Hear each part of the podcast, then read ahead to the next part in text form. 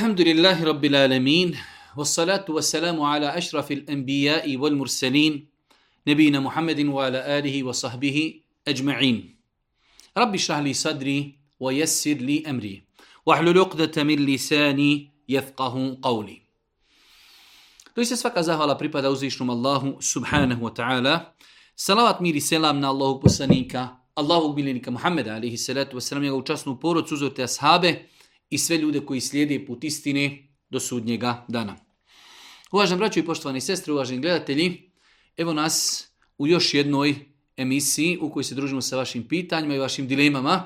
Ovo bi mogla biti neka jubilarna emisija, 40. emisija, emisije koju smo počeli nakon mjeseca Ramazana. I evo, znači bliži se e, novi Ramazan, a mi smo tokom godine uspjeli da realiziramo 40 emisija u svakoj emisiji po 40, 50, a nekada i po 60 pitanje vaših dilema odgovorimo. Mi ponovo napominjemo da je doista mnogo pitanja koja stižu na naš e-mail. Ne možemo odgovoriti svima. S druge strane, određena pitanja su i teška, iziskuju dodatna istraživanja, tako da unaprijed se izvinjavamo, a i tražimo halala od svih vas kojima ne odgovorimo na njihova pitanja. Večeras, ako Bog da, 50-ak pitanja u ovoj emisiji. Imamo malo duže pitanje gdje nam kaže jedna sestra, nedavno sam imala proceduru sa spontanim pobačajem i nakon toga imala sam krvarenje oko 10 dana. Problem je da je žena imala spontani i to krvarenje je smatrala hajzom i nije klanjala u 10 dana. Nakon toga je e, znači saznala da je pogriješila pa je pitanje šta sada uraditi. Znači Poznato je pravilo kod islamskih učenjaka da žena ako ima spontani eh, u ranim mjesecima trudnoći, da to krvarenje se ne smatra hajzom i nifasom, već je to istihaza. Tako da žena u tom periodu obaveza je da klanja, može da posti i svakako eh, smatra se kao i svaka druga čista žena ima i mogućnost, znači i pravo da ima eh, intimni kontakt sa svojim mužem. Osoba koja deset dana nije klanjala, šta da uradi? Allah najbolje zna, nije obaveza da naklanja ti namaze zato što je to uradila iz neznanja. Ali isto tako, pošto je to deset dana, po pet namaza, 50 namaza, ako bi se ti namazi, ako Bog da, i naklanjali, neće biti, znači, hajde da kažemo, na odmet. Ali kao vid obaveze ne. Znači, ne smatram da je ovoj našoj sestri obaveza da naklanja sve te namaze koje nije klanjala u deset dana, zato što jednostavno je to uradila iz neznanja, ali ako bi to ona naklanjala iz predostrožnosti, inšala bi ispravno postupila. Svakako, naklanjavanje ide redoslijedom onako kako su namazi propuštani. Zanima me da li mogu učiti Kur'an preko mobitela ako ima menstruaciju ili ako sam u istihazi. Može.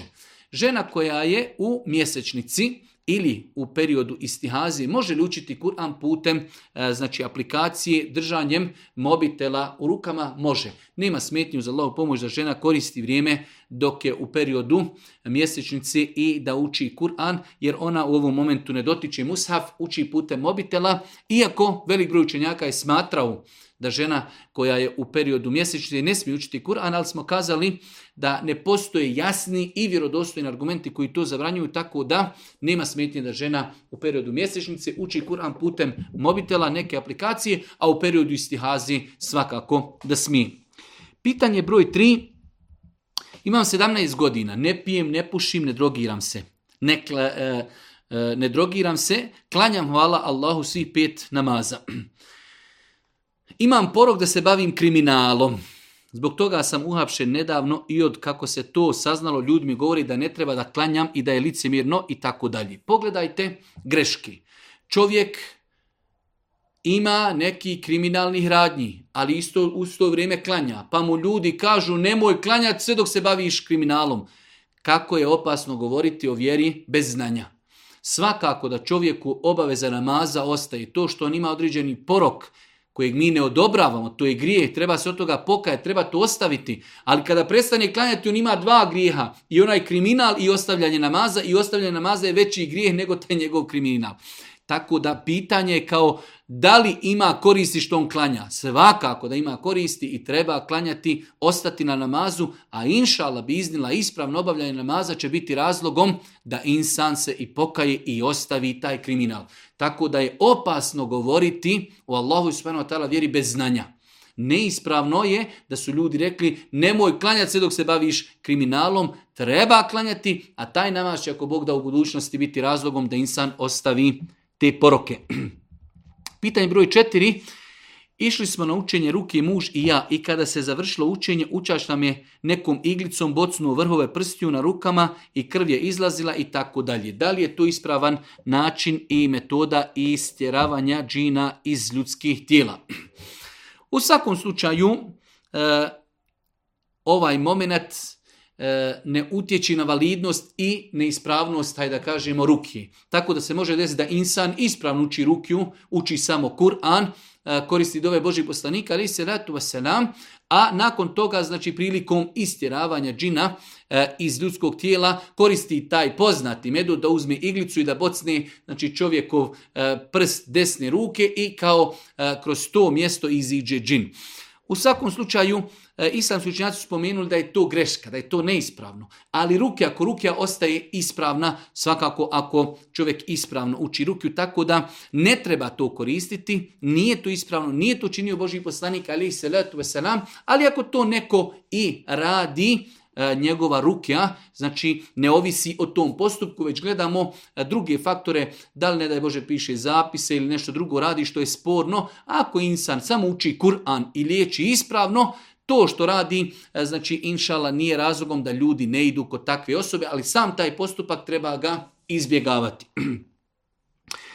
Da li je dozvoljno ubirati voće, na primjer jabuku ili krušku, ako se nalaziš u nekoj šetnji kroz prirodu? Pa imamo tri neke pod opcije da znaš čija je njiva i voćka, ali znaš da tim čovjeku ne bi smetalo što si ubrao da ne znaš čija je njiva, ali pretpostavljaš da je privatna i da je, misliš da je tu državna imovina. U svakom slučaju, islamski učinjaci su kazali da insan kada prolazi pored tuđe imovini, treba da zovni, da vikni, ne bi li možda dozvao i ne bi li možda negdje u blizini bio neko ko je vlasnik toga. Ako se vlasnik javi, onda će od njega tražiti dozvolu da uzme nešto od voća, da pojede, da se malo osježi. Ako nema nikoga, islamski činjaci su kazali da je dozvoljeno, dopušteno čovjek uzme, ali znači onoliko koliko mu je potrebno da pojede, a ne da tovari u neke kante ili vreće ili kese i da to nosi, ali znači da čovjek uzme onoliko koliko će pojesti eh, bez dozvole, pogotovo u ovom slučaju prvom gdje kaže eh, prolazimo pored privatne imovine, a Ubijeđeni smo da vlasnik nema ništa protiv da se to uzme, u tom slučaju svakako da može.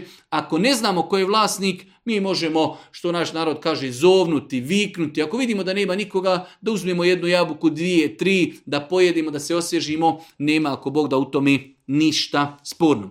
Broj šest. Šta Kur'an govori o tome da li je zemlja okrugla ili ravna ploča? ili možda ima neki hadis o tome.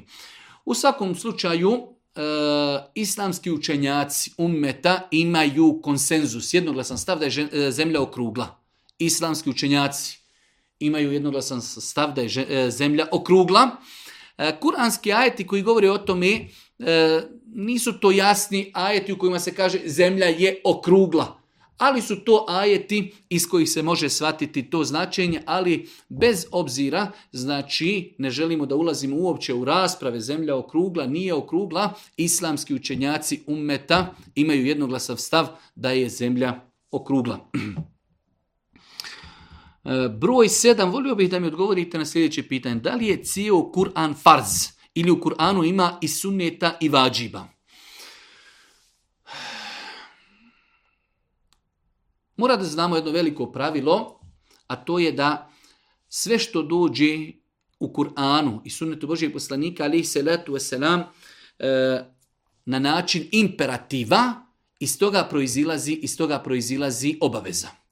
imaju određene stvari u Kur'anu koje su izrečene u imperativu, a nisu obaveza. Tako da možemo slobodno kazati većina stvari koje su eh, došle u imperativu iz toga proizilazi obaveza. Ali imaju određene stvari i to se vraća znači, na razumijevanje arapskog jezika, na razumijevanje usudi fikha, eh, na, razumijevanje konteksta i mnoge druge stvari. Tako da sigurno u Koranu imaju stvari koje su spominute, koje nisu strogi farzi obaveza, Imaju stvari koje su obaveza, imaju stvari koje su pohvalne. Svakako za detaljno, e, e, da kažemo, tretiranje ovog pitanja treba da se čovjek vrati na knjige tefsira, treba da se vrati na knjige usuli fikha e, u kojima su učenjaci govorili o ovim pitanjima, ali svakako da u Kur'anu ima stvari koje su spomenute, pa čak nekada i u imperativu, ali zbog određenog konteksta one su pohvalne i lijepe, iako većina stvari koje su spomenute u imperativu imperativu su vađib i obaveza.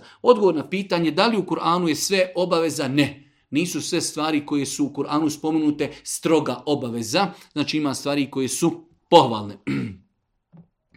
Možete li mi reći da li se često ogledanje ogledalo striktno vezuje za zaljubljenog džina?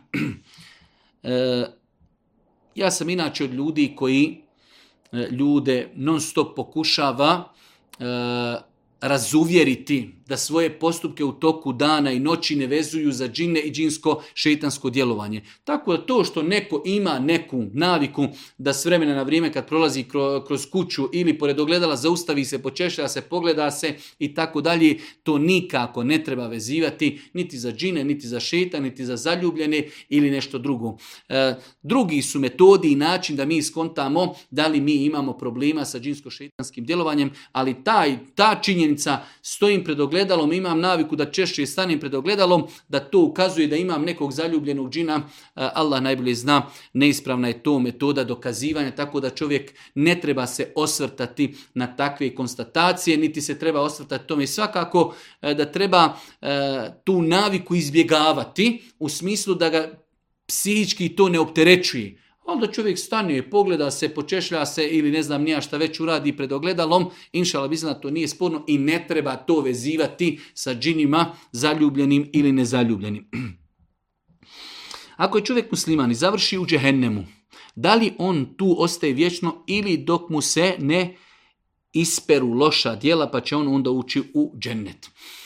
A nevjernici će ostati vječno u džehennemu. E, vjerovanje ehli sunneta jeste da e, ljudi se dijele u tri kategorije. E, imamo kategoriju nevjernika, ljudi koji su pil na Dunjaluku, nisu povjerovali u Muhammeda ali se letu veselam, niti su e, povjerovali u Kur'an, niti su povjerovali Allah to su nevjernici i takvi ostaju ako na tome umru vječno u džehennemu.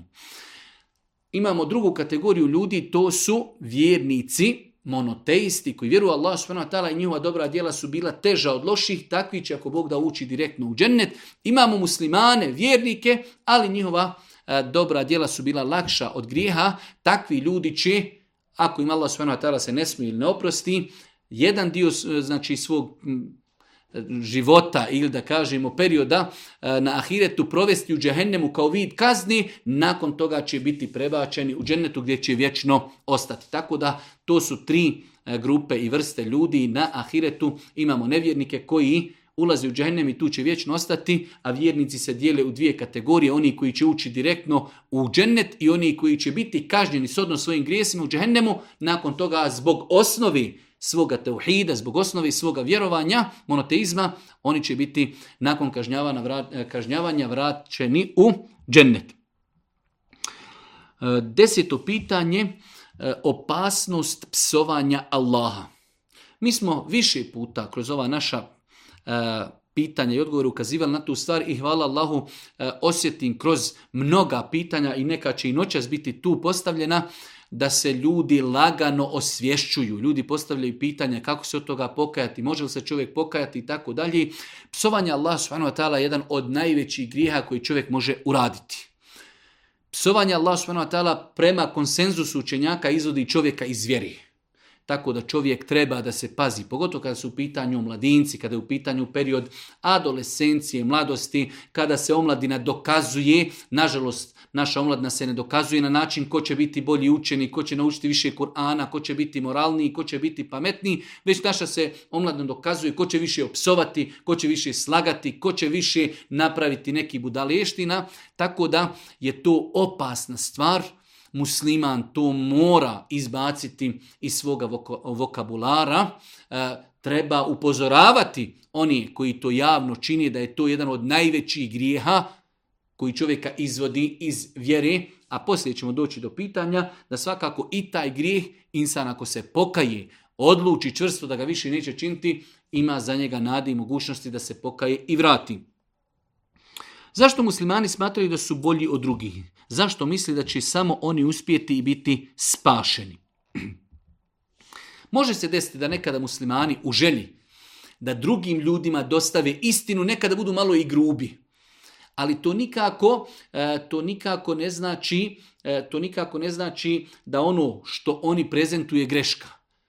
Malo prije smo spomenuli, znači kako je poslan Muhammed alaihi salatu kao što je došlo u vjerodostojnim hadisima Allahu poslanik alaihi salatu Selam kaže, neće za mene čuti niti jedan kršćan, niti jedan židov, i ne povjerovati u mene, a da neće biti vječni stanovnik džehennema. Pa je dolaskom Muhammeda alaih salatu wasalama i Kur'anom derogirane su prijetvodne objave, obaveza je povjerovati u Muhammeda alihi salatu wasalam.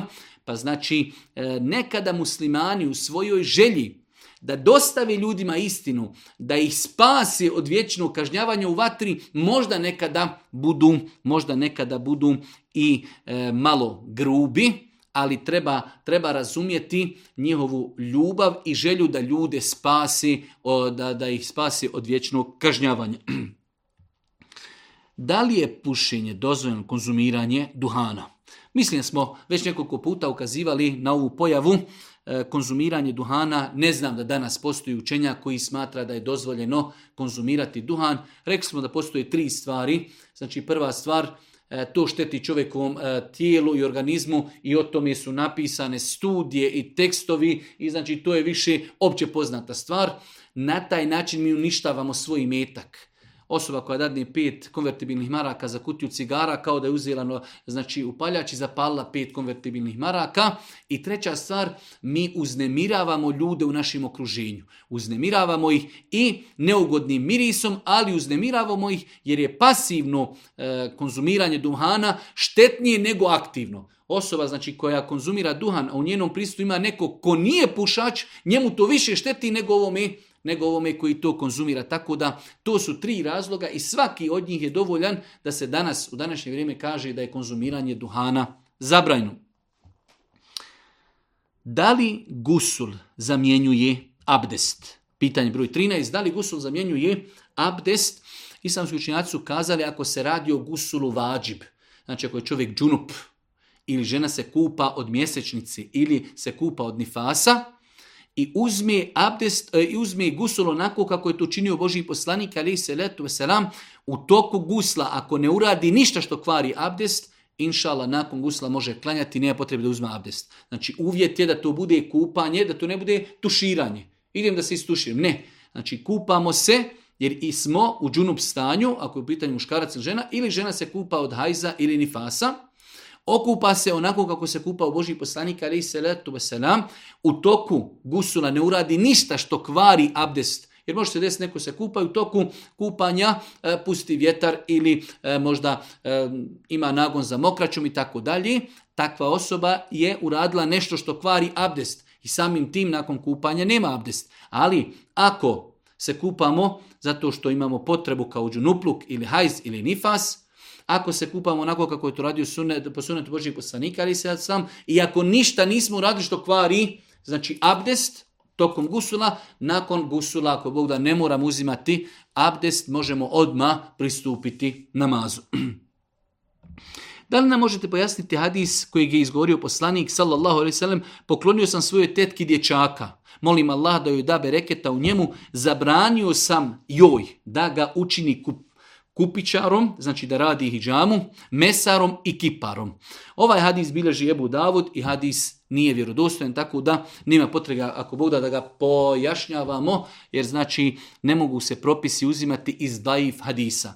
Može se po određenom dijelu činjaka raditi po daif hadisu ako je u pitanju na dobra djela, ali ovdje se radi da znači iz ovog hadisa e, uzimamo da su ove stvari zabranje, tako da Eh, hadis taif, bilježi ga Ebu davuči, Albani ga je ocjenio daif, tako da nema potrebe da ga pojašnjavamo. Znači hadis u kojem stoji da je poslanik rekao, poklonio sam svojoj tetki dječaka, molim Allah da joj da bereketa u njemu, zabranio sam joj da ga učini kupičarom, mesarom ili kiparom, eh, ovaj hadis je daif i ne treba ga širiti prenositi drugim ljudima, osim ako ćemo pojasniti da je hadis daif. Dobar dan. Izvinite na smeti, imam 15 godina, prije oko jednu godinu umro mi je otac od koroni. Prošlo pet ili šest e, mjeseci umrla sestra, isto od korenije, sada u septembru umro mi je i komšija.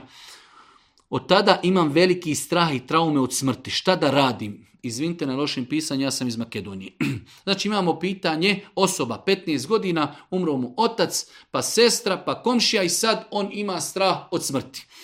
E, strah od smrti generalno je pohvalna stvar, ali e, da to bude u granici normali. Ako to čovjeka preoptereti njega i njegovu psihu do te mjere da jednostavno ne funkcioniše normalno, to je već problem.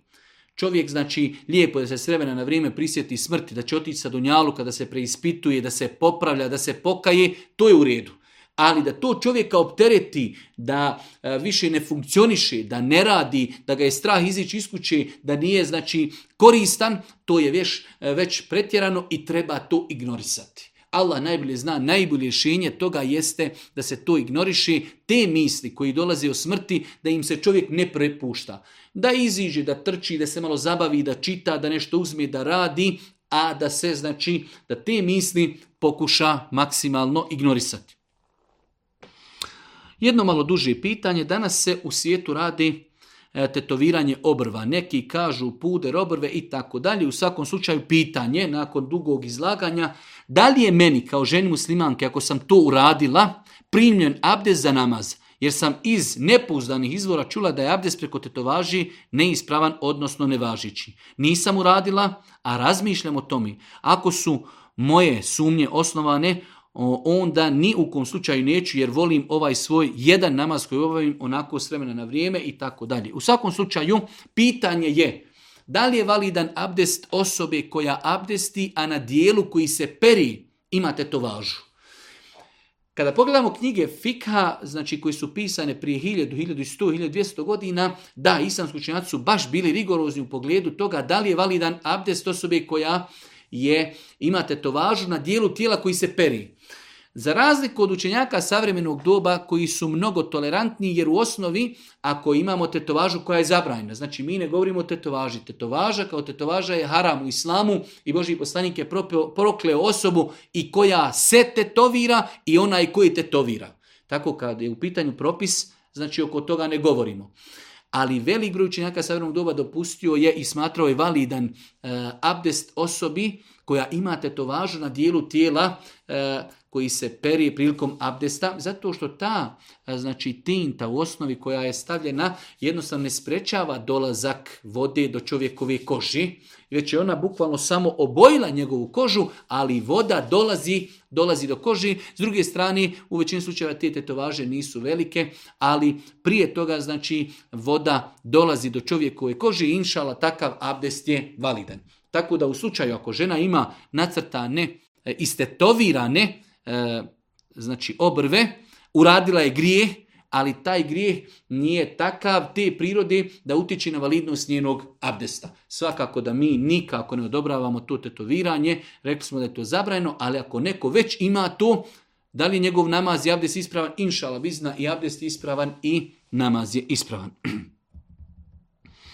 Tata mi je preselio prije par dana niko od njegove poruci nije došao na žalost, niti su izjavili saučešće. Da li je to moj grijeh ili njihov grijeh? Malo čudno pitanje, ali eto, volimo da odgovorimo svima vama na vaša pitanja. E, osoba kada umre lijepo i pohvalno, lijepo i pohvalno da ljudi iz okruženja, od rodbine i prijatelja poznanika, da izraze svoje saučešće na bilo koji način, znači da nazovu, da kažu, e, da prouče dovu, da se stavi na raspolaganje ili znači jednostavno na bilo koji način e, da olakšaju boli i muku i tjeskobu osobi koju je umrla voljena osoba. Ali ako to ljudi nisu uradili, šta to ima s nama? Zašto bi mi bili krivi? Tako da ne treba insan da sebe stavlja u poziciju oni nešto nisu radili, jesam li ja kriv? Nisam ja kriv, oni su to trebali uraditi. S druge strane, i njima to nije da kažemo nešto veliko obaveza, vađib, ali je pohvalno i lijepo tako da su oni u ovom slučaju e, izostavili jednu pohvalnu i lijepu stvar, ali s kojom nema ova osoba, umro mi otac, oni se meni nisu javili, ja nemam sa tim ništa. To što se oni nisu javili, to je, da kažemo, propust koji se vezuje za njih, ali nadamo se da nisu uradili grijeh, već da je to izostavljanje pohvalne i lijepe stvari.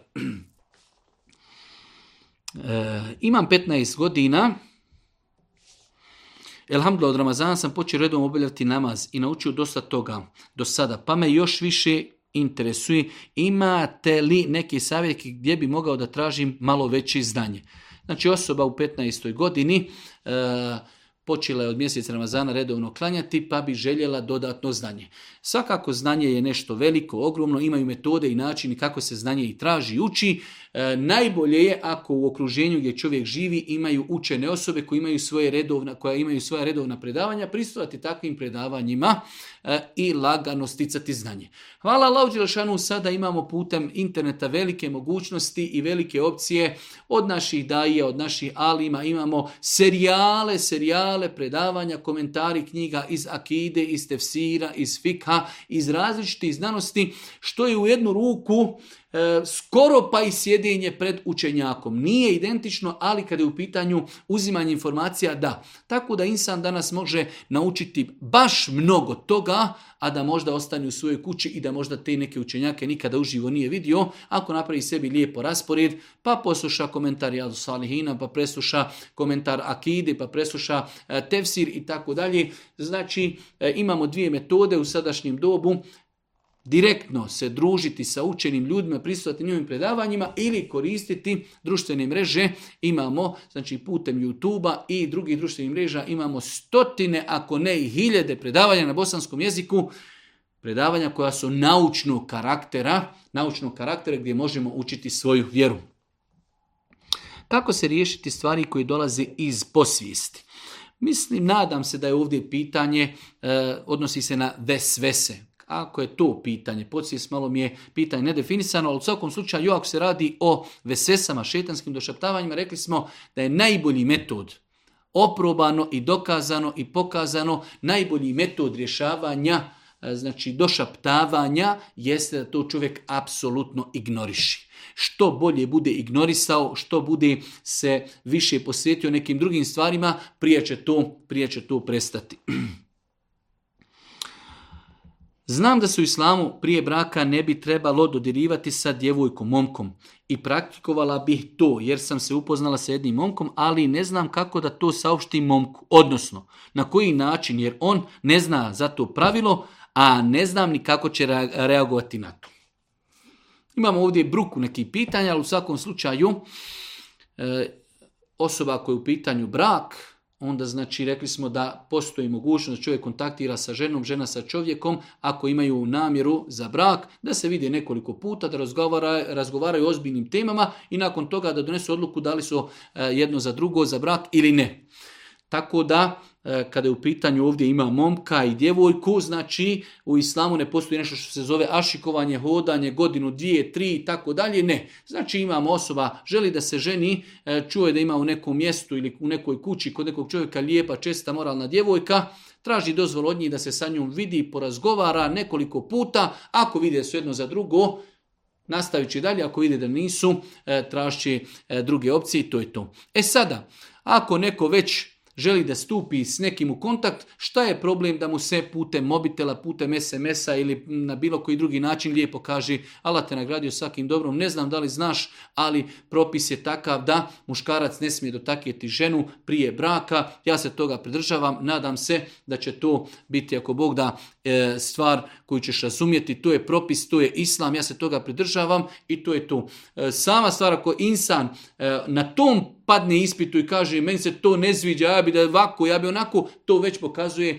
da možda insan ne treba e, da dalje razvija veze sa takvom osobom koja ne želi da stane kada mu se pojasni Allahovi propisi. Tako da na lijep način poslati poruku ili uživo kazati Allah te nagradio, ovi naši kontakti mogu da budu razgovor, e, ozbiljan razgovor o braku, u prisustvu mahrema, u prisustvu treće osobe, nema osamljivanja, nema dodirivanja, bilo kakvo dodirivanje prije braka je strogo, strogo zabrajeno.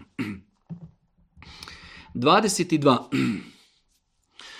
Zanima me ima li neko posebno pravilo kada je u pitanju naklanjavanje sabah namaza. U porod sam uvijek praktikovali smo da ukoliko prespavamo, onda klanjamo sabah odmah po ustajanju. Nedavno je jedan profesor govorio kako se sabah ne može naklanjati, to jest da se računa kao na fila ako ga klanjamo poslije izrasa sunca. Ovo što ste prakticirali je tačno i ispravno. Došlo je vjerodostojno disme da Allah poslanik ali se je sram kazao kada neko prespava namaz ili zaboravi neka ga klanja kada se sjeti. Bez obzira, znači sunce izišlo, Boži poslanik, ali se ratu jer doslovno hadisu stoji da je sa svojima ashabima bio na putovanju pa su prespavali sabah i klanjali su nakon izlaska sunca. Ali je veoma bitno da znamo da se to radi o situaciji kada insan prespava. Ali ne znači prespavati, legao sam spavati, nisam pripremio mobitel niti sat, pa eto, ako ustanem, ustanem, ako ne ustanem, e, klanjat ću kad ustanem. Ne, to je neispravno.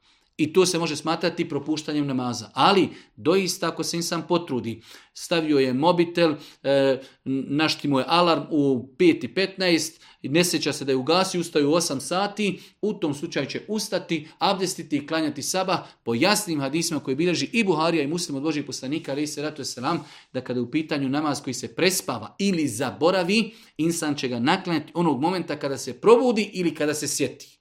Pa je čak došlo u e, hadisu e, Božih poslanika da nema drugog iskupa za to. Znači, tako ko uradi, on inšala bizla nije griješan jer je prespavao ili je zaboravio. Za razliku od ciljanog, svjesnog prepuštanja namaza gdje smo mi više puta govorili da smo stava da se takvi namazi ne naklanjavaju. 23. Da li je dozvoljeno klanjati zajednički noćni namaz barem tri puta mjesečno? Zato što sam čuo da to ne smije da se radi stalno. U svakom slučaju, e, bitno je da to ne bude u određenim danima, da mi smatramo da su to neki posebni dani. Znači, ako imamo neki pet momaka, sedam, deset i kažu voljeli bi mi jednostavno ponekada da se okupimo, da li u džami, da li u nekom islamskom centru, da li kod nekog od nas kući i da klanjamo noćni namaz. Nema u tome inšala ništa sporno se klanja džematile, bitno je samo da ne smatraju da je to posebno propisano i da postoji posebni noći u kojima to trebaju raditi. Ali da to nekad uradi ponedjeljkom, nekad utorkom, nekad srijedom, nekad 15. nekad 10. nekog 25. uz uzalo pomoć nema smetnje da se to povremeno uradi. Udata sam šerijetski već mnogo godina. Već godinu i po dana ja i muž ne spavamo u istom krevetu zbog njegovog hrkanja i znači duga jedno dugo pitanje.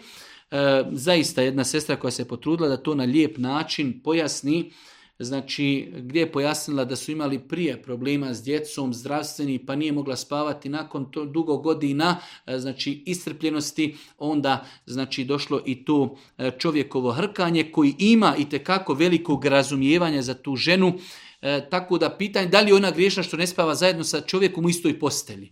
Ako je to uz obostranu saglasnost, ako muž razumije ženu i ako to neće utjecati na njegovu harmoniju, na njegovu intimu, a ona je to spomenula da, eh, da imam lijep život, imam redovnu intimu i tako dalje, ne smeta. Jednostavno to je prilagođavanje situaciji doista nekada i obrnuti situacija imamo gdje žene smetaju muževima, muž smeta ženi. E, zašto da e, znači se ne odvoju u postelji kako bi insan sutra mogao biti produktivan, da se naspava i, i tako dalje, a svakako u svemu tome da to bude zajednička odluka da to ne utječi na njihovu harmoniju i da ne utječe pogotovo na intimu.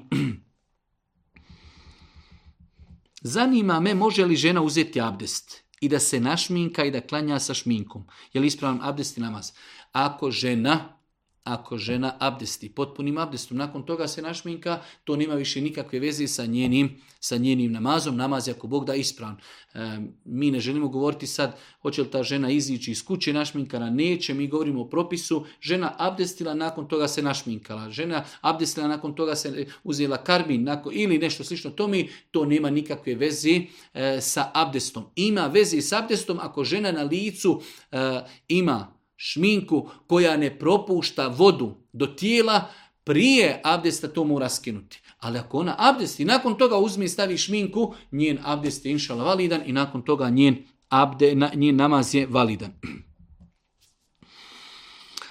Jedno duže pitanje jednog našeg brata kojeg sam čak morao neke stvari priupitati, ali je pitanje da čovjek krene od kuće na posao i pošto radi na baušteli, on obuče čarape, ali kada dođe na posao mora skinuti te svoje čarape, obući druge, vjerovato neke radne čarape u kojima radi. Da li nakon toga može potirati po tim čarapama kada bude abdestio? Može, pod uvjetom da još nije izgubio najprvi abdest. Znači, rećemo da čovjek je kod kuće u 6 sati, krenuo na posao, abdest i obukao čarape, svoje čarape došao na posao u 7 sati, još je pod abdestom, još nije izgubio abdest, skini on svoje čarape, obuče radni čarape i tamo u 8-9 sati izgubi abdest, nema smetnje da potiri po tim čarapama radnim.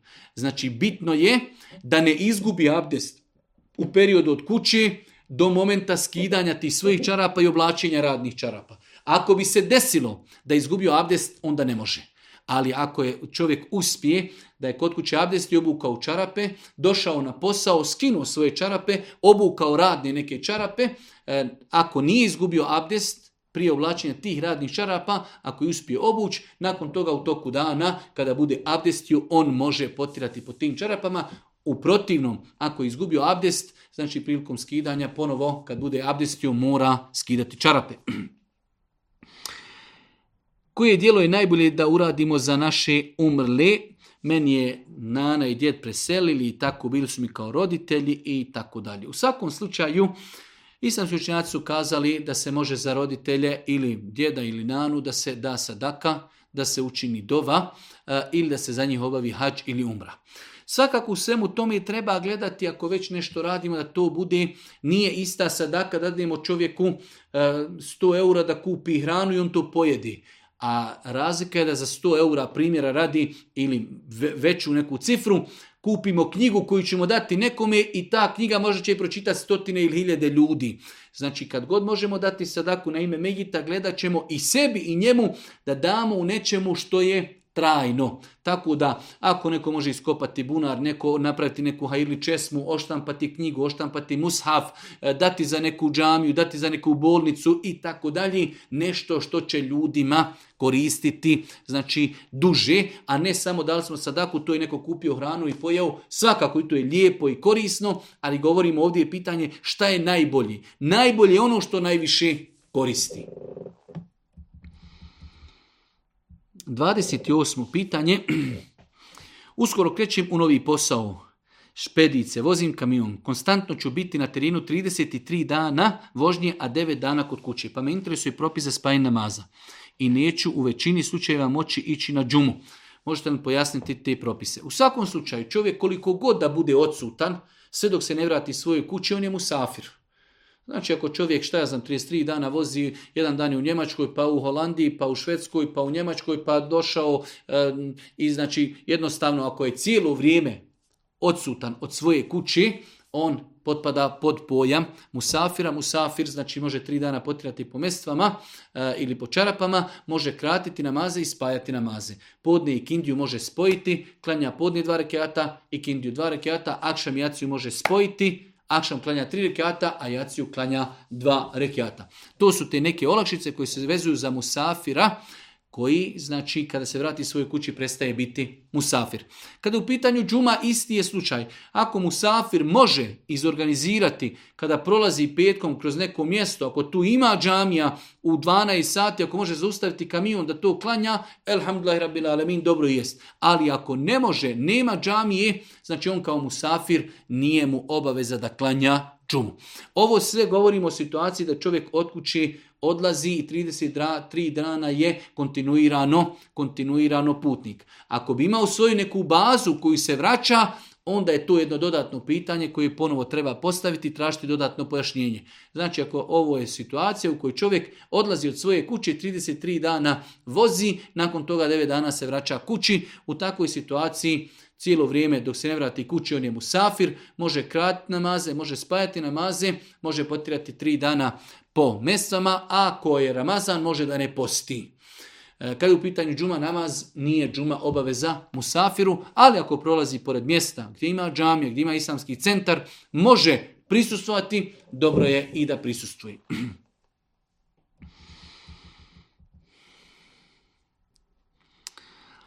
Eselam alaikum, razmišljam o ovome već neko vrijeme pa se nadam da mi vi možete pomoći. Naime, muči me pitanje smije li žena ići na fakultet ako su većina profesora muškarci. Moja čerka ima veliku želju da nastavi sa fakultetskim obrazovanjem, pa ne znam smijem li je pustiti upisati.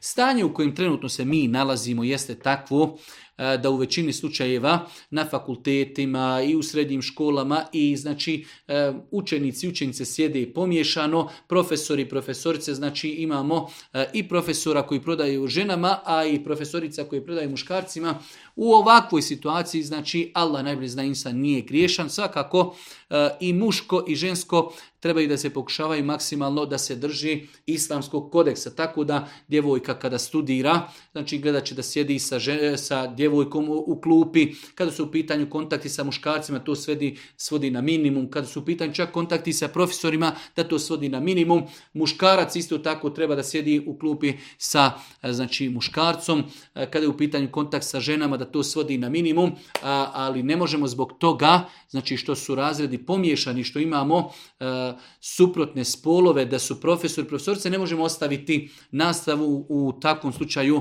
99% e, znači e, našeg naroda bi ostao nepismen ako bi rekli da zbog toga ne mogu ići u školu tako da stanje kakvo je takvo je ne može se osim da čovjek znači da sve što može od sebe da se ponaša po islamskom kodeksu ponašanja i nadam se inšala da u tom slučaju neće biti griješan.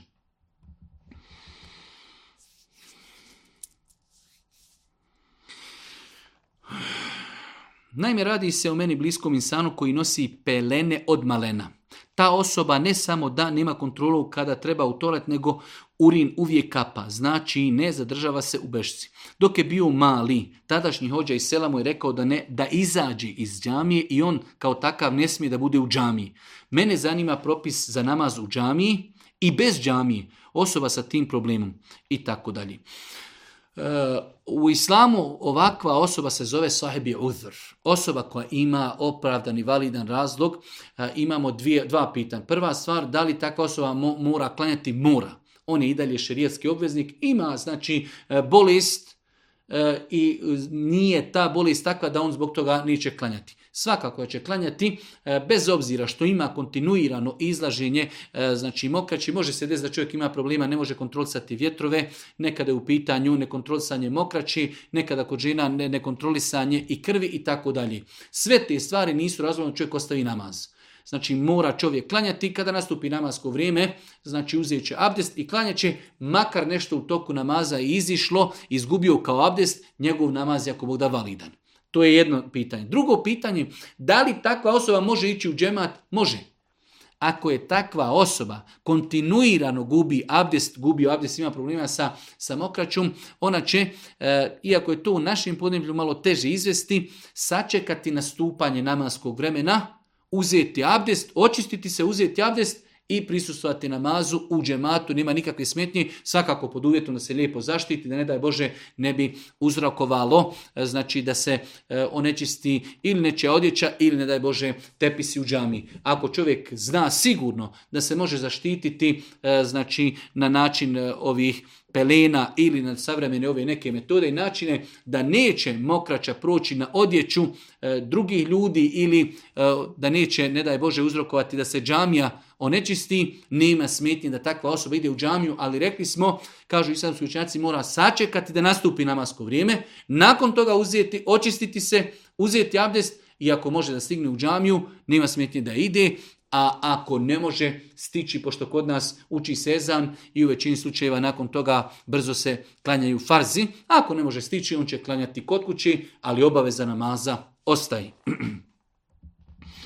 31. Dobro je, imam jako važno pitanje. Vidio, vidio sam video gdje piše da ako psuješ Boga da izlaziš iz vjeri. I tako dalje. Ima čovjek situaciju da je on nekada psovao Boga, da li se može pokajati za takvu stvar? Svakako da može. Psovanje uzvišnog Allaha je jedan od najvećih grijeha, jedan od najgnusnijih grijeha, ali bez obzira, ako uzvišnji Allah te barka dopustio ljudima da nakon što su bili nevjernici, za Allaha govorili najveće stvari, mogu se pokajati i ući u islam, zašto onda neko ko je bio musliman uradio neko djelo zbog kojeg je možda izišao iz islama, zašto ne može se pokajati? Tako da, bez obzira koliko grije bio velik, čovjek ako sati da je pogriješio, treba da prestani odma, treba da se pokaj i da odluči da se u životu neće vraćati na taj grijeh. Ova tri uvjeta ako se, bo, ako se ispune u teubi, inšala teuba je ispravna. Ako odma prestane, ako se pokaje, bude mu žao za ono što je radio i odluči da se neće vraćati u budućnosti na taj grijeh, inšala biznila, vrata teube i pokajanja su svima otvorena. Svakako da ovo nikako ne znači umalovažavanje ovog grijeha, ukazivali smo, ukazivat ćemo koliko je to opasno, ali govorim u slučaju ako čovjek već je tu radio, već se desilo, može li se pokajati, može li se vratiti, može se vratiti i može se, ako Bog da, pokajati. Pozdrav, mogu li ja kao muslimanu uženiti pravoslavku? Ona je vjernica i moralna djevojka. Nekoliko puta smo govorili o tome, e, gledano s aspekta Kur'ana, Allah Žešanu je dozvolio muslimanima da ožene kršćanku ili židovkinju termin kur'anski ehlul kitab. Ako su, pod uvjetom ako su moralne. Znači dozvoljno. S tim što islamski učenjaci u stvarnosti su kazali da je takvu stvar bolje izbjegavati, ali ako bi neko uradio, ne možemo reći da je uradio nešto zabranjeno zato što je tu gospodar uzvišen Allah dozvolio. Znači dozvoljno muslimanu da oženi ehlul kitabiku. Kad se kaže ehlul kitabiku, onda se misli kršćanka ili židovkinja koje su moralne, čestite, ali iz praktičnih razloga islamski učenjaci su kazali da je to bolje činiti. Čak na našim podnebljima je bila i fetva da to je zabranjeno raditi. U svakom slučaju ti praktični razlozi mogu doista e, uzrokati mnogo problema u braku. Kada sutra čovjek, znači možda ta žena koja nije muslimanka, želi da jede svinjetinu, e, on smatra da je to zabranjeno, ona može da hoće da radi nešto što je zabranjeno prema islamu. Sutra dolazi djeca, ko će tu djecu podučavati islamu, vjerovanju, moralu i tako dalje, tako da je to bolje svakako izbjegavati. Ali ako bi neko to uradio, ne možemo nikako kazati da je uradio nešto što je zabranjeno. 33. da li je haram da se nosi šorc iznad koljena, van kući? I ako jeste, kako bih mogao riješiti taj problem jer se bavim futbalom? Nosim šorc eh, pred mnogim ljudima kada igram utakmice. Imamo dva pitanja.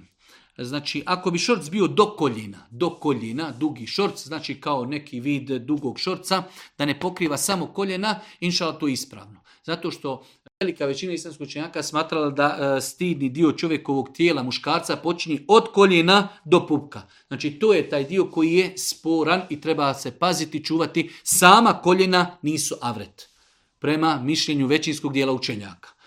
To je kad bi kazali da imamo šorc i do koljena. Ako imamo šortsku koji je gore iznad, onda se to treba riješiti na neki drugi način. Sad da ne govorimo futbal, ne futbal, treba li igrati futbal, može li se igrati i tako dalje, to su doista i teške i komplikovane teme, ali kada je u pitanju avret, može se to riješiti da čovjek obuče e, neke biciklističke ili čak neku trenirku ispod ili neke helanke, već šta oni mogu nositi neku odjeću, kojom će pokriti avrete, a nakon toga, znači preko toga obući šorc e, koji je znači iznad koljena, malo iznad koljena, tako da na taj način ako Bog da objedini i da je pokriju avrete, a i da nosi onu odjeću koju mu nalaži e, ekipa ili e, mjesto gdje igra.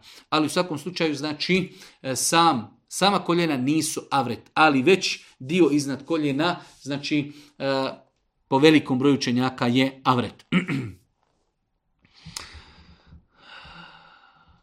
Primijetio sam da Haman svako kad klanja farz nekog namaza na prvom rekiatu uči dužu suru nego na drugom. I onda pitanje da li je to sunet, da li je to ispravno, da li je potrebno. Da, Znači, prenešeno je u hadisma vjerodostojnog Božih poslanika, ali se ratu sram za podni namaz, za ikindiju namaz, pa su islamski učenjaci uzeli analogno i tome i druge namaze, da je lijepo i pohvalno da prvi rekiat bude duži od drugog. Što znači, ako neko primjer radi već uči Kur'an po stranicama, možda na prvom rekiatu da prouči stranicu, a na drugom rekiatu da prouči pola stranice, jer je otprilike takav bio omjer Božih poslanika, ali se ratu sram da je znači e, e, dužina drugog rekiata bila pola pola prvog rekiata. Samo je to sunnet, nije obaveza. Tako da čovjek ako bi klanjao prvi rekiat duži, a drugi e, kraći ili obrnuto. Prvi da bude kraći, drugi duži, nije to sporno, ali baš ko hoće mak na konac, e, lijepo je i pohvalno da prvi rekat bude duži, a da drugi rekat bude kraći. Ako bi to insan izostavio, njegov namaz je validan, izostavio je samo jedan mali sunnet. Da li je po vama haram naplaćivati toliko od siromašnih za hađ kada se zna da je realna cijena četiri puta manja? E, ja ne bi da ovdje govorim osim o jednoj stvari, a to je e, Evo ja lično sam u datom momentu poprilično blizu tih informacija oko organiziranja hađa i umri. E, smatram da je ova netačna informacija i kako insan može tačno tvrditi da ljudi uzimaju četiri puta više nego što to i košta. Ljudi nekada govore o tim pitanjima, nikada u životu nisu ušli u Saudijsku Arabiju, nikada u životu nisu e, rentali hotele, nikada u životu ne znaju koliko košta avio karta, nikada ne znaju e, koliko stvari koštaju u toku Ramazana, u toku hađa, koliko još dodatnih dađbina ima, tako da e, insan musliman treba da se pazi, bez obzira ko organizirao hađ, ali znači treba da se pazi kada su u pitanju ovakve konstatacije konstatacije da li je dozvoljno uzimati četiri puta i tako dalje. Tako da se nikako ne bi složio sa ovom konstatacijom, čak šta više 100% sam siguran da nije tačna ova konstatacija. Jel može za vrijeme čajluka da se posti dani iz prošlog Ramazana? Čajluk, čajluk ili čajluci, termin za tri mjeseca u islamu, Ređep, Šaban i Ramazan. Ređep, Šaban koji dolazi prije Ramazana i nakon toga Ramazan. Normalno ne može se Ramazan napaštati u Ramazanu, ali ova dva mjeseca Ređep u kojim se mi nalazimo trenutno i Šaban koji je mjesec prije Ramazana, nema nikakve smetnje da se u tim mjesecima koristi period znači kada će žene napaštati dane koji nisu postile u mjesecu Ramazana, ili muškarci ako je čovjek bio bolestan, ako je bio musafir, neke dane nije postio, može li u mjesecima, dva mjeseca prije Ramazana, znači u Ša'banu i Ređepu da to napašta, može, znači čak postoje vjerodostojne predaje da je iša radijallahu ta'ala govorila, znači da nastupi Ša'ban, mjesec Šaban, a ona još nije napostila dane koje nije u mjesecu Ramazanu, kaže zbog E, blizine Božijeg poslanika e, prema njoj. Ali znači nema nikakve smetnje da se dani Ramazana koje je čovjek propustio naposti mjesec ili dva mjeseca prije, prije Ramazana. Da li ima išta sporno da se čovjek šiša kosu utorkom i subotom? Moj babo viči, viči, da ne velja da se šiša utorkom i subotom. Nema nikakvog nikakvog dokaza koji potvrđuje da je e, šišanje u nekim danima dozvoljeno, nekim je zabranjeno, šišanje, e, znači skraćivanje nokata ili sve te stvari, ne postoje nikakva ograničenja, tako da to je neki vid sujevjerja, čovjek se može šišati u bilo kojem danu, u bilo kojem dijelu dana, noći, po danu, noću, e, skraćivanje nokata, sve te stvari ne postoji nikakav dokaz da imaju momenti u toku sedmice kada to ne treba činiti. Mene već dugo vrijeme muči jedno pitanje koje ja mislim da ne radimo ispravno. U braku sam i od samog početka braka sve krva i muž. Imaju naviku obnositi vatru nakon spolnog odnosa preko kreveta. Ja sam poslao potpira šta znači obnositi vatru. Upale, kaže, upaljač i tako učeći smilu prijeđu preko kreveta. Dvije sporne stvari. Prvo, da li je to propisan? Nije propisan. Da li je to od islama? Nije to od islama. Ali pazite, majka sa svojim sinom nakon što on ima intimni kontakt sa ženom. Znači, kao da ta njegova majka zna svaki put kada njen sin ima intimni kontakt sa njegovom ženom, pa oni nešto ne znam iz kojeg razloga, jer zaista ne mogu da shvatim, čak sam tražio na internetu, nisam mogao naći e, znači nikako pojašnjenje, niti praksu da neko to u životu radi, da znači neku vatru prenosi bismiletom preko kreveta na kojim je bio intimni kontakt, tako da to treba izbjegavati zato što to nema osnove u islamu. To može biti sujevjer. Treća stvar je kako ta njegova majka zna kada je on imao sa svojom ženom e, intimni kontakt, što je znači u jednu ruku doista, e, možemo reći slobodno, e, poprilično, poprilično čudno. Tako da e, ova praksa treba je totalno prekinuti e, znači i, i, i, e, izbaciti iz svakodnevnog života. 39. pitanje. Da li je haram imati privatnu ordinaciju s obzirom da se usluge liječenja u tom slučaju naplaćuju? Da li je haram imati privatnu ordinaciju s obzirom da se usluge liječenja naplaćuju? Nema nikakve smetnje da čovjek otvori privatnu ordinaciju, e, neko će otvoriti stomatološku, popraviti ljudima zube, neko će napraviti laboratorij, neko će napraviti Čovjek uložio, to je investicija, doveo doktore, kupio e, opremu, kupio aparate Svakako da nema smetnje, insan koji želi da se liječi e, u bolnicama državnih se liječi, ali ako dođemo kod privatnika, e, svakako da nema ništa sporno da se plati, znači usluga e, u privatnoj ordinaciji. Nastavlja se pitanje, da li je haram raditi u državnim zdravstvenim ustanovama s obzirom da se plaća ljekara finansira iz Zavoda za zdravstveno osiguranje, nema inšala ništa sporno o tome da čovjek radi u e, državnim zdravstvenim ustanovama bez obzira ne gledajući odakle i kako će biti finansirana njegova plata. Na fakultet se često dogodi da se ispit i namasko vrijeme poklopi. Ispit traje cijelo namasko vrijeme. Znači, ne postoji mogućnost sklanjati u namaskom vremenu, osim da se ispit izostavi. Malo poslije još jedno duže pojašnjenje, u svakom slučaju, e, osoba koja mora prisustvovati nekom ispitu i doista se potrebi, pogotovo u zimskom periodu, kada znači se može desiti da ispit počinje u pola 12, završaje u 3, a već je podni namaz prošao. Svakako se treba potruditi, dati sve od sebe da klanja namaz u njegovom vremenu, pa čak pod, pod cijenu da dođi na pod abdestom na ispit i onda u tom istoj sali gdje radi ispit da ustane i da klanja. Da traži dozvolu od profesora, klanja četiri kjata farza i nakon toga nastavi sa ispitom. Ako bi se doista desilo da mu je taj ispit bitan i da ne može dobiti dozvolu niti da izađe, niti da klanja, takav inča, insan će spojiti namaze. Znači ako je u pitanju podne i kindija, onda će spojiti podne i kindiju, klanjat će ih zajedno zbog potrebi, zbog nuždi. Znači ovo e, nikako ne znači e, izigravanje sa namazom. Govorimo o slučaju kada čovjek ima potrebu, ispit mu je bitan, ne može ga pomjeriti, ne može dobiti saglasnost da klanja, ne može klanjati pa ući, Znači sve to treba poduzeti. Ako ne može, ne postoji nikakva opcija, onda će spojiti namaze i o tom je veliki velik broj savremenih učenjaka i internet stranica koje daju fetve savremenog doba dozvolio ljudima u ovakvim iznimnim situacijama jer se to dešava možda jednom u tri mjeseca, jednom u dva mjeseca i tako dalje, jer su ti ispitni rokovi rijetki i nema čovjek toliko predmeta pa da svaki dan mu se takva stvar ponavlja. Znači čovjek treba da da sve od sebe, da pokuša tražiti dozvolu, da kasni ako može, da klanja, da klanja unutar učionce. Ako sve to ne mogne, onda će spojiti dva namaza. 41. Da li može da se izađe iz vjere ako nam dolaze misli koje ne želimo? Ne.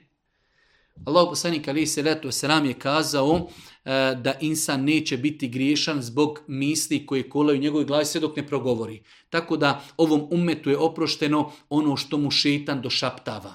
Tako da e, više puta smo o tome govorili, samo što više takve stvari ignorisati samo što više takve stvari ignorisati, a da to čovjeka izvodi iz vjere nikako, jer je to nešto što čovjek ne može kontrolisati i ne daj Bože da je propis da takve stvari čovjeka izvodi iz vjere, jer je to nešto što čovjek ne može kontrolisati. Allah Žešanu kaže u Kur'anu, la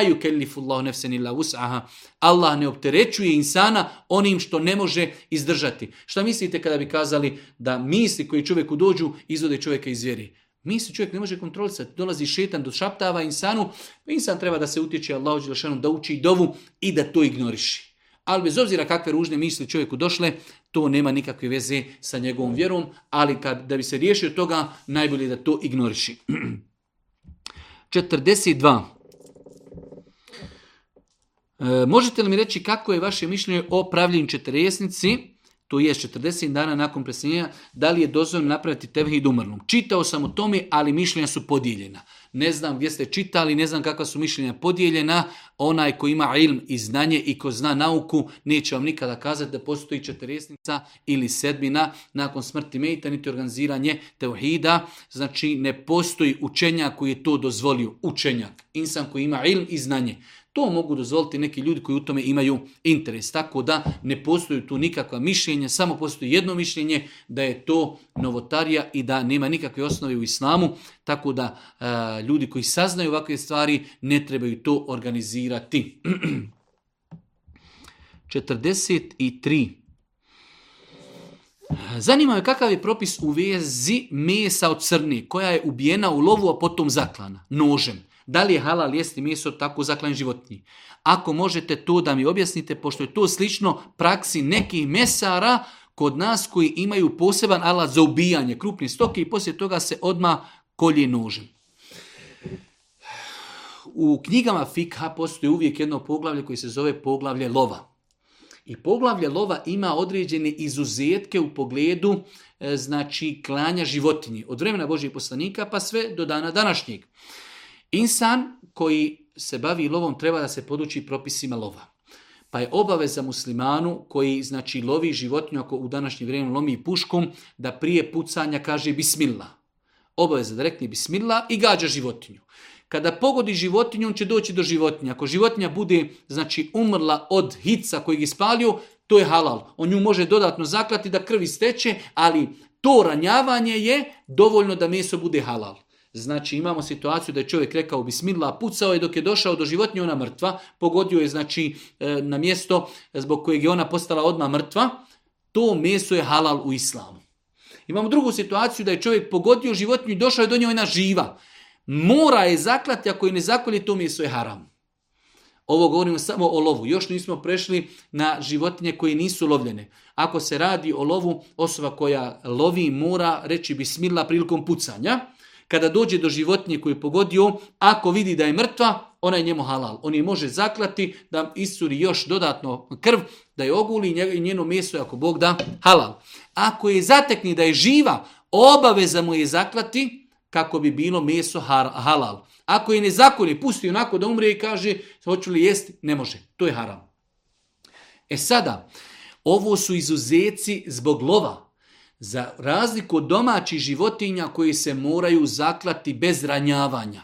To što određeni mesari uzmu pištolje gdje probiju glavu, znači životinju, životinji i nakon toga je kolju. Allah najbolje zna, ta životinja je ubijena. To što ona ima malo vrti se damarima, to znači takva životinja ako ne bi nakon toga mogla ustati. Imaju e, neke, ajde da kažemo, druge metode, gdje su nekada prija ljudi takozvano pikovanje, pikuje malo bika i pustiš 10 minuta, on ustani, kreni hodati. To nije, znači, metod kao metod je neispravan, ali je meso koje se zakolje ispravno, jer je životinja živa. Ali ako uzmemo mesarski pištolj i razvalimo životinji mozak, razvalimo mu glavu i on se još malo vrti kao mi tada zaklali, Allah najbolji zna, to meso je haram, Pogotovo što se radi o domaćoj životinji. Znači ovaj izuzetak u lovu je napravljen zato što je pitanje lova izuzetak u islamu. Za razliku od domaćih životinje koji treba oboriti lijepo, pripremiti i zaklati, a ne prvo upucati, nakon toga klati. Ako bi se udarila životinja takvim udarcem, od kojeg ona više ne bi ustala, takvo meso je strvina i takvo meso nije dozvoljeno jesti. 44. Moje pitanje malo neobično, jeste neobično. Imam sliku na Facebooku i mnogo momaka pošalje mi selam. Pošto smo dužni odgovoriti kada nam neko kaže da li moram i na selam odgovoriti iako nisam zainteresovan za pisanje. Prva stvar, savjeti naši ženava bez obzira su li pokrivene ili ne, ne trebaju da imaju slike na Facebooku. Znači, bez obzira, svakako otkrivena žena je veći grijeh. Ali pokrivena žena ne treba da ima svoje slike na Facebooku. E, žena muslimanka treba da se poduči propisima konverzacije sa suprotnim spolovima putem interneta. Ako ta osoba e, ne kontaktiramo sa njim zbog braka, nemamo mi sa njim nikakve potrebe da kontaktiramo i selam ako nazovemo kažemo mi uživo alik mu selam i delete i još ako ga i blokiramo ekstra će biti. Znači nema potrebe da mu žena odgovara alik mu selam kao ja nisam raspoložena za konverzaciju. Nema potrebe dovoljno da mu odgovori na selam, da ga pročita i ustima kaže alik mu selam i da ne odgovara e, pisanjem. Da ne odgovara pisanjem. Kada musliman koji nosi bradu putuje iz zemlje u zemlju, radi odmora, posla ili posjeti Romi, dođe na granični prilaz i traži od njega da obrije bradu zbog identifikacije te osobe na ličnoj karti. Kako u tome postupiti? Postupiti da prije nego što otputuje, ode i u svojim dokumentima promijeni sliku gdje će postaviti sliku da ima znači slika s bradom. Nikako se ne dovoditi u slučaj da znamo imam ličnu kartu na kojoj nemam bradu. I ja sam pustio bradu, e sada idem na granicu i onda da oni meni kažu, e gospodine, e, ova slika ne odgovara vašoj znači, e, fizionomiji izgledu. Otići u znači, e, upravu gdje se izdaje dokumentacija i promijeniti svoju sliku. A ne dovoditi se u situaciju da moramo kršiti brijanje brade je haram strogo zabranjeno, tako da čovjek ne treba dolaziti u tu situaciju. Mi već govorimo da znamo da ćemo doći, da će nas peglati, da će tražiti od nas. Zašto da se dovedemo u tu situaciju ako to možemo, ako to možemo riješiti? Znači regularno da promijenimo svoju sliku u dokumentima. Uvaženi še, moje pitanje vezano je za gusul. Možete li mi reći kako da postupi osoba koja obavi gusul? Nakon nekog vremena počne da se javlja misao da nije sigurno da li je lice oprano potpuno i tako dalje čista šetanska vesvesa i došaptavanje. Čovjek se kupao i, še, i poslije kupanja da li sam oprao lice. Je li moguće se neko okupa da nije oprao lice? Ništa osim šetansko došaptavanje. Rekli smo više puta, e, vesvese koje dolaze nakon ibadeta, na njih se ne osrčimo. Čovjek se kupao i nakon toga, nakon što je se okupao, dolazi mu vesvesa da li je, da li je oprao lice na takve stvari se neće osvrtati i samo takve stvari ignorisati. Kako izaći iz kocki? Ako bi moglo da se pomogne stručna pomoć, trenutno sam tako i tako, u svakom slučaju, znači čovjek pita kako ostaviti kockanje. kockanje je jedan veliki grih u islamu i jedna zaraza, ali i kako opasna zaraza koja ruši društvo u kojem se proširi kocka.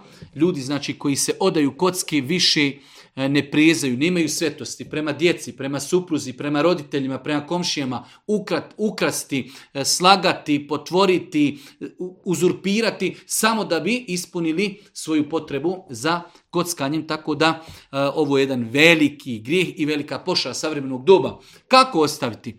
Molite Allah Želšanu dovom da insanu olakša Spoznati dokazi koji ukazuju da je to haram, jer čovjek sve dok ne shvati da je to haram, njemu će to biti teško ostaviti. Pa shvatiti da je to haram. Dok nam je nešto gospodar zabranio, to je šteta za nas. Nakon toga, kontrolisati prisustvo novca kod sebe, družiti se sa lijepim osobama, moralnim, čestim, koji će čovjeka posticati.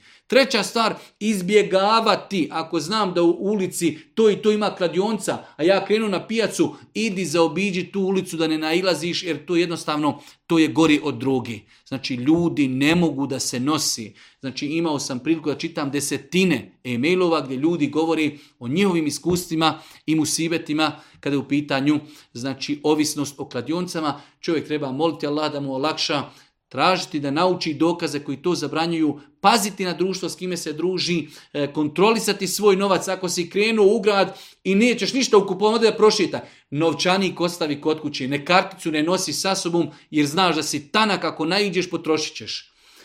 Ne idi ulicom u kojoj ima kladionca jer će te šetan zavesti i tako dalje. To su neki faktori, a mnogo je drugih faktora koje čovjek može, ako Bog da uraditi, da ostavi kladionice i kocku. Moj sin je bio musliman. Dosta naroda je uveo u islam. Klanjao je pet namaza. Nažalost, sam je sebi oduzeo život. Šta je najbolje da mi kao roditelj dovimo? Dovimo, radimo, da mu se oprostio taj veliki grijeh. Samo ubistvo je apsolutno veliki grijeh, ali opet s druge strane, to je čovjek kao što vidimo ovdje je monoteista, musliman i mi se nadamo, znači on neće vječno ostati u vatri ako bude kažnjen. E sada, roditelji za njega mogu urati sve ono što možemo urati za druge naše e, možemo za njega doviti, možemo za njega dati sadaku, možemo za njega obaviti hađ i umru, to je ono što čovjek može urati za svoga mejita. Dova Allah Đelšanu da mu oprosti e, u nadi da je to uradio e, iz neznanja, da možda nije mogao kontrolisati e, svoje, svoje postupke i i tako dalje. Dova, sadaka, trajna sadaka i obaviti hač i umru za takvu osobu. 49. E, pitanje, predzadnje, da li je haram kada me zaustavi policajac i želi da mi piše kaznu 100 eura što nemam lance u vozilu, a ja mu dam 10 ili 20 da mi ne piši. Čisto klasično, čisto klasično mito. Znači znamo da, da imamo zakon gdje nas obavezuje da nosimo lance. Ako ne nosimo lance, onda treba da budemo spremni platiti kaznu, a ne e, podmićivati policiju da nam to ne uradi. Tako da, znači dati policajcu 10 ili 20 eura da nam ne piše kaznu je čisto mito, a znamo da je Boži poslanik Ali se sram strogo, ali baš strogo zabranio i davanje i uzimanje mita. I pitanje broj 50, Esselamu alaikum, efendio, htio sam da vas pitam da li smijem da napišem na spomeniku mami Fatihu. Da li je dobro učiti Fatihu mrtvima veliki pozdrav?